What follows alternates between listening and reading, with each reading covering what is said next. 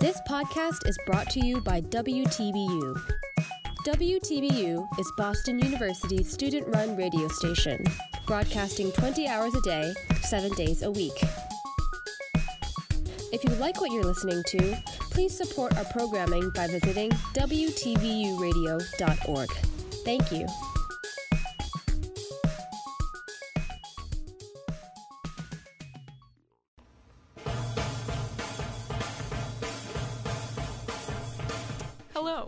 I'm Zoe, And I'm Emma. and welcome to our podcast. In this podcast, we choose elements of movies that are not acknowledged typically at awards shows, um, such as best plot twist or best uh, character duo, and we discuss some of our favorites and then we rank them and discuss our rankings. Um, so, in this episode, we are going to be discussing character introductions. So, the, I think the the one that inspired this episode was that we were watching The Departed, Mm, hmm and um, the very the whole intro. It's a very long intro. Is Frank Costello played by Jack Nicholson? So Frank Costello has this monologue, and we don't see who he is. I mean, you can tell it's Jack Nicholson's voice, and you know he's played by Jack Nicholson and everything. But he's kind of in the shadows the whole time, or he's facing away from the camera, and then you see a young, um, what's his name? Uh, Matt Damon. yeah, but oh, Colin Sullivan, I think is his character's name. And Jack Nicholson steps out of the shadows, and it's revealed that this is Frank Costello, and it's such a cool introduction to his character. Yeah, just the fact that you like can like you know who he is and you can see him kind of, but Right. like but he's kind of like in darkness. hmm Um for like the first scene when he's talking to baby Matt Damon and like like he's just like really in a lot of darkness even though you can see Matt Damon as a kid normally and um yeah and then when he just like he's in darkness and he just steps into it it's like Great, Yes. great moment. yes And what's funny about that? So I was thinking about that when I was trying to come up with my list of my favorites. I came up with two others that are also stepping out of the darkness into the light. One of them because I rewatched Almost Famous the other day. Mhm. And um, when Penny Lane is introduced, when William's standing at the top of the ramp and I'm whatever, and he's like saying like, "Oh, not- I'm not a whatever," and then um, not a what? Penny Lane steps into the light. She's so mysterious, and you don't find out her name. Like it sets up her character so well, and she's wearing like sunglasses at night. Not a what? Um, I Not love a- that. And then the other one was, and I could be wrong about this. I didn't rewatch the scene, but in Whiplash, Mhm. when Miles Teller's drumming at the beginning, and then J.K. Simmons walks into the room, does he step out of a shadow into the light? 'Cause if I remember correctly, he does. well there's one that I know that we both agree on Oh yes. and that's Sing Street yes, yes. I can never remember her name Raphina. Raphina, yes. Um, so basically, what happens is, um, I don't know any of their names. Two of the boys are, um, Conor and uh, the redhead. That Looks like the girl from It. yes, they are um, talking outside of school, and uh, you kind of see them. It's like a two shot of them, and then you see this girl in the background, but she's like really blurry, so you can't see her. And they're talking about her, and they're they're like talking about how pretty she is. I think. Yeah. um and but you like can't see her at all and then um the main character conor yeah. yes conor he decides that he's gonna go talk to her raphina um so he just like walks across the street and the camera follows him and it never cuts it just like pushes i guess like tracks in to a close-up of her like in and up It's so cool. yeah And it's like a low angle too, and Mhm. it's just her face. It's so good. It's so good. Yeah. I love that shot yeah. so much. Me too. It's so good. And what's interesting about it is that I feel like in so many of those like kind of like tracking shot to push into low angle things, there's always music playing underneath it, but Mhm. that's one of the few scenes in the movie if I'm remembering right that doesn't have any music. Oh. It's just like he's just silently walking across the street and it just pushes in completely silent. That just makes it so much like cooler that they wouldn't do the obvious thing and have Yeah. some like cool song playing in the background. Yeah. That's a good point. I thought of there's one more stepping out of the dark Oh, one okay. that I thought of, and this is like he's hardly a character. You really only see him a few more times. Mhm. But in Inglourious Basterds, when the bear Jew steps out of the cage, and it's it's better than the other ones because Brad Pitt's character has this whole setup of him, and like you like everybody all everybody in the scene knows who's coming except like the audience doesn't know who the bear Jew is yet, and he's like banging his bat against like the edge of the cave or whatever, and there's just so much suspense building, and then Eli Roth comes out and bashes his head in with a baseball bat. Um, I love that scene. It's amazing. It's really amazing. so this next one is uh, from The Devil Wears Prada. Um, it's Meryl Streep's character Miranda. Um, you like hear a lot about her before you see her, and you see different parts of her before you see her face. So um, Anne Hathaway is like, and as you can tell, we like don't know characters' names. We know actors' I never remember characters' names. Yeah. Anne Hathaway's coming into interview, and Emily Blunt's like, "Oh, she's here." So, um, everybody is like freaking out. All the girls are like putting on heels instead of their comfortable shoes, and like Emily Blunt is setting out all of the stuff that Miranda needs. Like she has like fancy bubbly water in a glass and stuff like that. Um, and then it cuts to outside where Miranda is like getting out of a fancy car, and you just see like her Prada heels and her holding like a copy of the magazine and you see um her Prada purse and then um it like goes back into the office and everybody is just like flipping out. Just like like this woman is clearly such a terror. Like you know so much about her before you even see her. Yes. Um and then when you finally see her it's because the elevator doors open to reveal her and she steps out wearing these like super bougie sunglasses. And then she just like takes them off and just like looks around with this like this just the look is so disdainful like she's better than everybody and it's very good That's fantastic. I, I don't know if I can think of any other like elevator door opening yeah introductions. yeah Like that that's like a common shot, but it, I don't know how often it, it's the first time you see a character. hmm Um Oh, one that we haven't mentioned yet that's just it's a great opening scene Mhm. and it's a great introduction to the character. Do you know what I'm going to say? baby driver Baby Driver. yeah it's so good. I, re- I remember the first time when I was seeing it in theaters, like I was just grinning like an idiot Mhm. because he's so likable right Mhm. away because that's like everybody. Like we love listening to music loudly in cars and drumming on the steering wheel. And it just sets up such an interesting dynamic for his character because he's like waiting for these people to rob a bank and just dancing in his car. And I love Edgar Wright. yeah And it's it's funny though because I was trying to think of other Edgar Wright movies with good character introductions like that, and I Mhm. couldn't think of any. Yeah, I don't know. I when I was trying to think of what movies to talk about, I watched the opening scene of Scott Pilgrim, like just the first minute.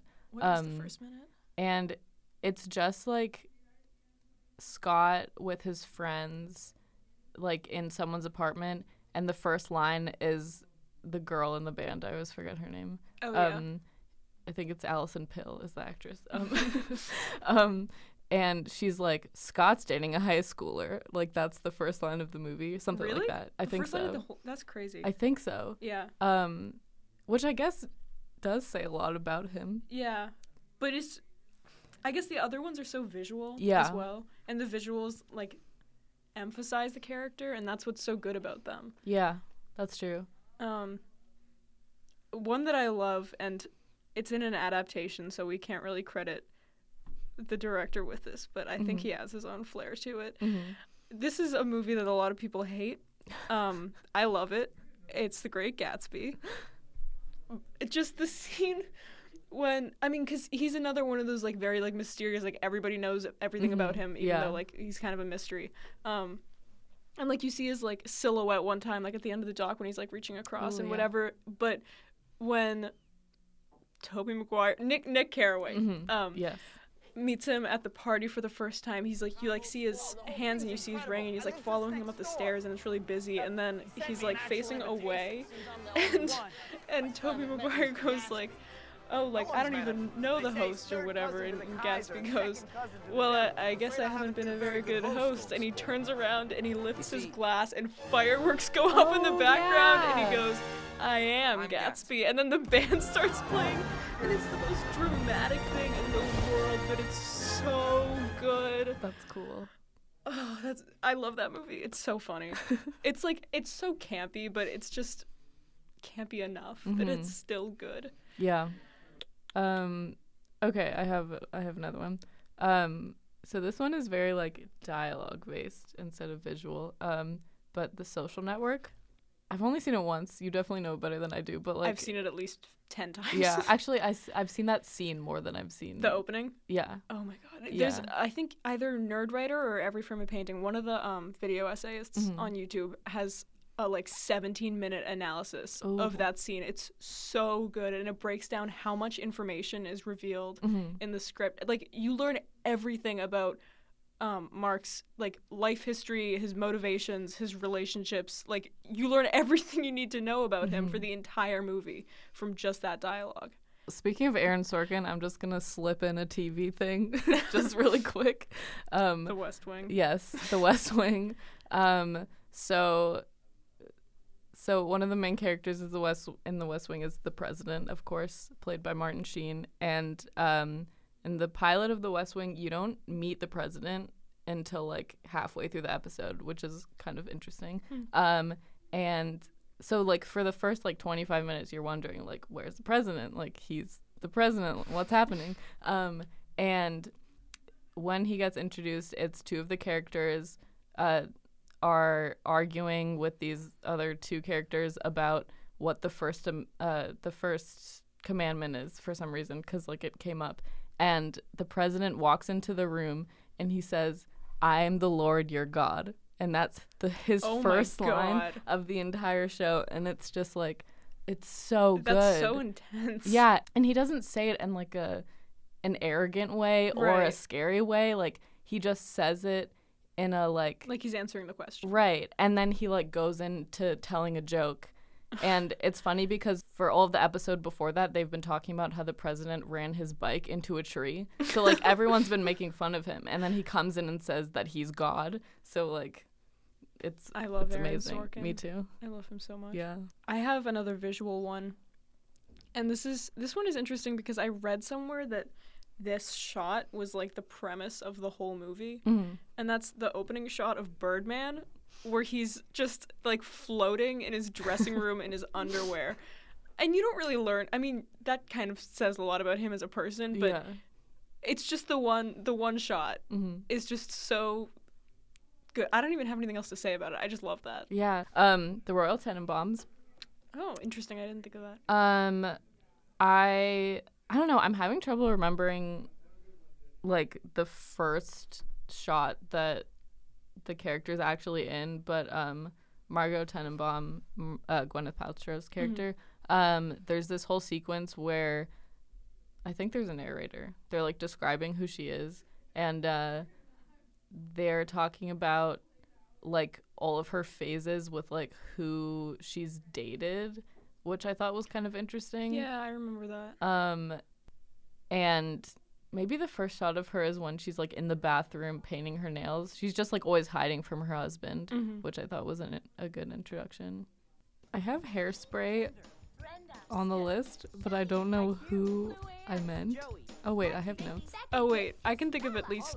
Link. Yeah, I was gonna Yeah. say, and I'm. Link. Yeah, is that his first time on screen? It has to be. That's well, amazing. I guess he's like he. No, because beforehand he like talks to um Amber oh. before the show. I think Hmm. I might be wrong though, but either way, I mean it's there's like introducing a character and then there's introducing a character, and Yeah. that's that's his like real introduction. So another good introduction is in Trainspotting. Yes. Um, One of my favorite opening scenes of all time. so good. I rewatch the opening scene like regularly. yes. Just for fun. Yes. Um, yeah. So basically, I don't remember what the actual opening shot is, but it's his feet. ah, that's good. Yeah, Yeah. it's so good. Um, and it's like the voiceover of him talking about all the things that you could do. Yeah, all the things that you choose. Um, and him and one of his friends are just like running. From the cops. Yeah. Yeah. Yeah. And then just the the thing that's just like in my mind forever is the shot where like he almost gets hit by a car and Oh he like puts God. his hands on the And like he hood of the car. right at the camera. Yeah. It freeze frames, and then it says his name in the corner, and it's so good. And what's great about that shot, Mhm. I watched. Have you, did you see the sequel, Trains uh, T two? No. Um, it wasn't great. W Okay, what was interesting about it? Interesting about it for me was seeing how Danny Boyle's style has developed over time, and then how that translated back to like the gritty world of trainspotting. Because in in the first movie, it's like it's extremely gritty and like gross and whatever. Like the toilet scene haunts me to this Yeah. day. Yeah. But since then, he's made movies like Trance and Steve Jobs and S- Slumdog Millionaire to some extent, and they're all very polished Mhm. looking. So the sequel of Trainspotting is weird because it's Danny Boyle's new style in the world of Trainspotting. oh. Um, that's just an aside. But so yeah, it wasn't amazing, but the one part that made it worth watching for me was he was running away from I think Begbie Mhm.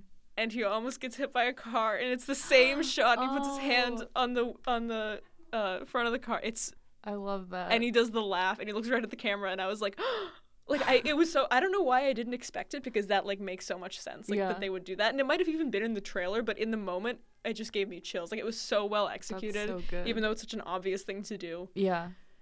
the next the last one I could think of was um and this isn't very visual this is Mhm. another one that's just kind of good screenwriting Mhm. um in Manchester by the Sea Oh yeah. yeah, just the whole beginning. It's Casey Affleck's character, he- and he works as this handyman in either Quincy or Boston. And he's just, he's kind of, I don't want to say he's rude, Yeah. But like everybody like kind of asks him questions. He's just like perpetually exasperated. Yeah. And you get such a good idea of his character just from like the way that he interacts with these people because he so doesn't want to be talking to them. And like, I'm sure he like somewhat enjoys his job, but he hates talking to the people because he's like the most antisocial person ever. Yeah. I just think that's so interesting. Like Mhm. to have something where the only point is to introduce the character. Yeah, that's cool. Yeah, and even before that, there's the the sequence on the boat. I forgot about that. Yeah. That actually makes it so much more interesting. Yeah. Because then it, it's juxtaposing how he used to be. yeah, that's true. Oh, that's so depressing. yeah, because that's when Lucas Hedges was a kid, yeah. and he's like playing with him, and his brother's driving the boat. yeah. Yeah, I love that movie. I love that movie so much. See, that's one of the only movies that came out. That was a great. I mean, like that was the year of La La Land, Moonlight, Manchester by the Sea, Arrival. mhm. That was like all in one year. But I think Manchester by the Sea, maybe La La Land, is one of the only ones that's like gonna be one of my favorites for forever. Because like in Yeah. the moment, like when you see a great movie, you're like, oh, that was great. But like you just saw it, you know, like it Yeah. can't be in your top ten. Yeah. You're very sure about it. Yeah, and it's weird because it's the type of thing where I would think that I wouldn't want to rewatch it because it's so sad. Yeah. But I've watched the stroller scene like 20 million times That's because I'm obsessed with that scene. Well, it's uh, okay. It's funny that you say that because movies that- for me that are rewatchable Mm-hmm. are ones that have kind of like slow burn tension and then Mhm. like moments of kind of catharsis where there's Mhm. like some outburst and whatever. Yeah. But for me in Manchester by the Sea, that scene is when Lucas Hedges has a panic attack Yeah. at the fridge. Like Mhm. that's the one that I go rewatch. oh. Not the one with Casey Affleck's character. I think I'm just more attached to Lucas Hedges' character. Yeah, that's Um, fair. because he's such a he's such a good actor. Yeah. and that's such an accurate representation Mhm. of like teenagers. Because Yeah. adults don't know how to write teenagers Yeah, so true. often. Yeah. That's part of why I love Sing Street so much. Yeah. Um, I don't know. I think I like the stroller scene so much because Ugh, I don't even know. Just I guess I was gonna say subtext, but it's like not only subtext, like they actually do say what they mean. yeah. which is kind of rare and like i don't know just like the people trying not to cry is like so Yeah, it's so awkward and too. Uh, ugh, like- and just like what they're saying and just the fact that her kid like her new kid is there yeah. it's so painful oh little miss sunshine I was thinking of that one actually Yeah. because there's a video essay that's about it's more specifically about opening shots, but when it talks Mhm. about Little Miss Sunshine, it talks about how the opening shot reveals her character.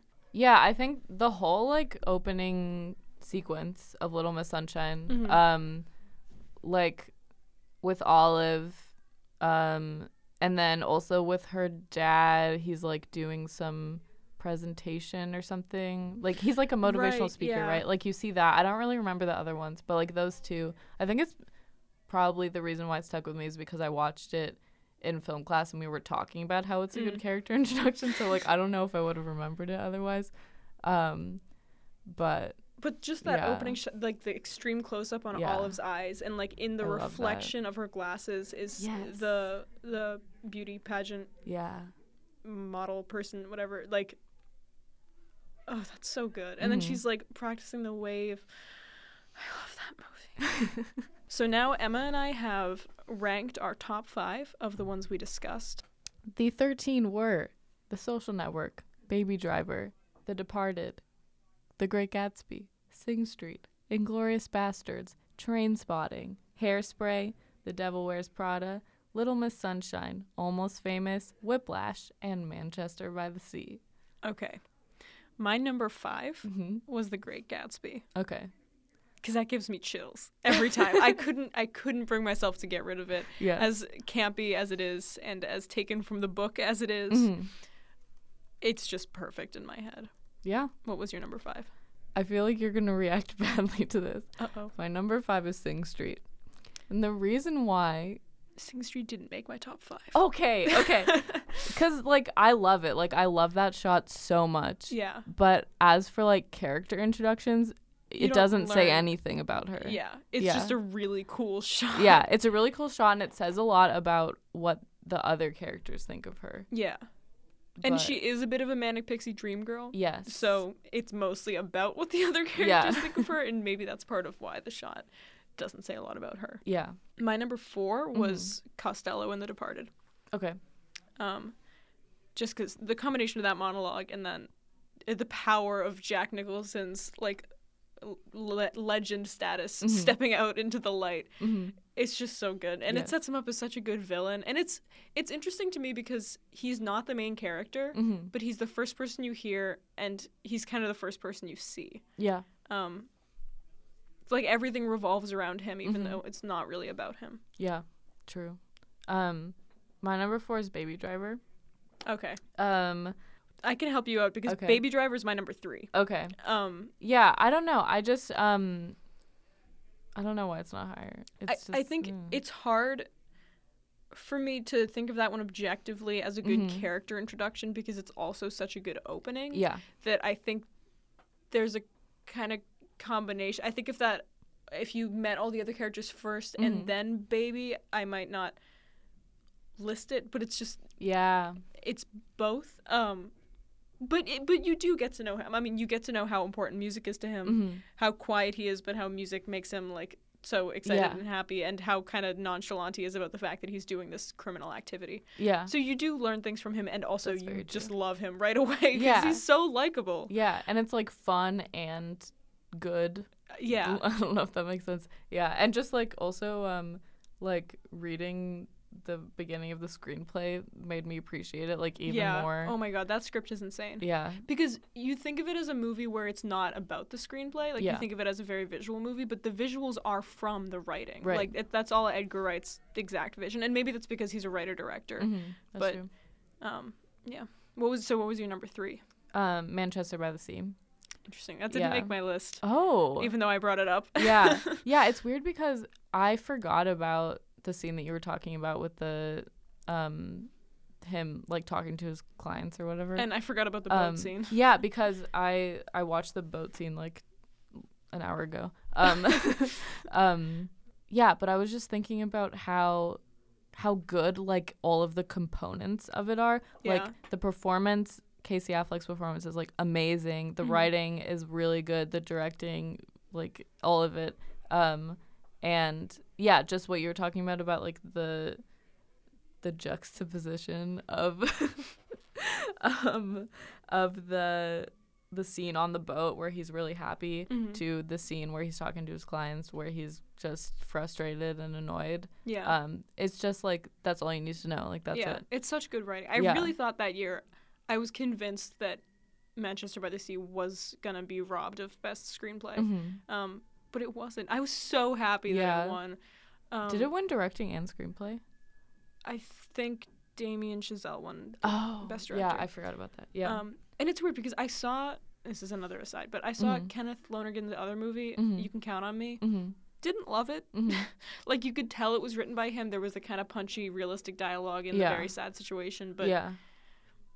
I don't know. I don't. Okay, Mark Ruffalo, love him as a person, but I can never really enjoy his characters, That's interesting. especially this one because he's playing like a like a burnout, and I was like, I can't see Mark Ruffalo as a. Oh. bur- It was just it was poorly cast, I think. Yeah.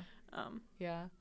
Oh yeah, I remember I was bitter about Manchester not winning best directing because like I read all these articles about how much they worked on it. And Yeah. obviously like they did a lot of work on La La Land too, but like the directing it was a very like actors movie yeah, and the amount that Casey Affleck was like immersed in Yeah. the role was like because of Kenneth Lonergan. I think like, that's why the best director award is so hard and almost Yeah. shouldn't exist because, like.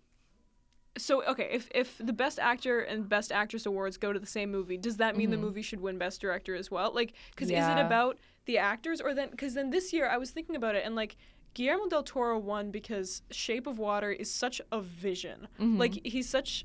I hate the word auteur, but like Yeah. he's such an auteur. It's and it's you you watch the movie and you know it's Guillermo del Toro, Mhm. and I feel like that's usually what they're looking for Mhm. when they award Best Director, and I think that's part of why Damien Chazelle won, just Yeah. because every aspect of the movie was great, not just the actors. yeah. Even though we kind of think of the director on a day-to-day basis as working with the actors, but Yeah. like big picture, they do so much more, and I think the Academy looks more at the bigger picture. But in that case, like, why doesn't it always go to the Best Picture winner if the Mhm. director is everything? I just, it's such a weird category. That's true. Yeah, Um, that's weird.